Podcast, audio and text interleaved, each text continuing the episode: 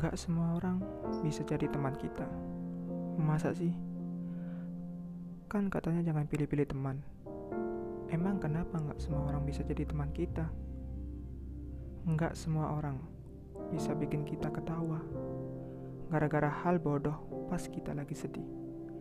Kemudian bikin mood berubah dalam waktu singkat. Nggak semua orang kuat menghadapi kita ketika lagi putus cinta nggak pergi meski yang kita bahas dia lagi, dia lagi.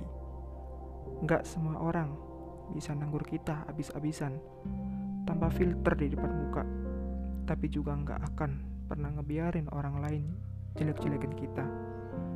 Nggak semua orang siap dengerin loh ngoceh berjam-jam tanpa arah. Nggak pernah bosan meski cerita tentang topik sama berulang-ulang. Gua yakin masih banyak nggak semua lainnya Meski begitu, gak semua teman sesempurna itu.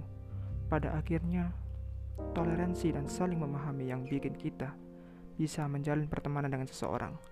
Jaga mereka yang masih betah karena banyak alasan untuk sekedar singgah. Jadi, menurut kamu, apalagi hal yang bikin gak semua orang bisa jadi teman kita?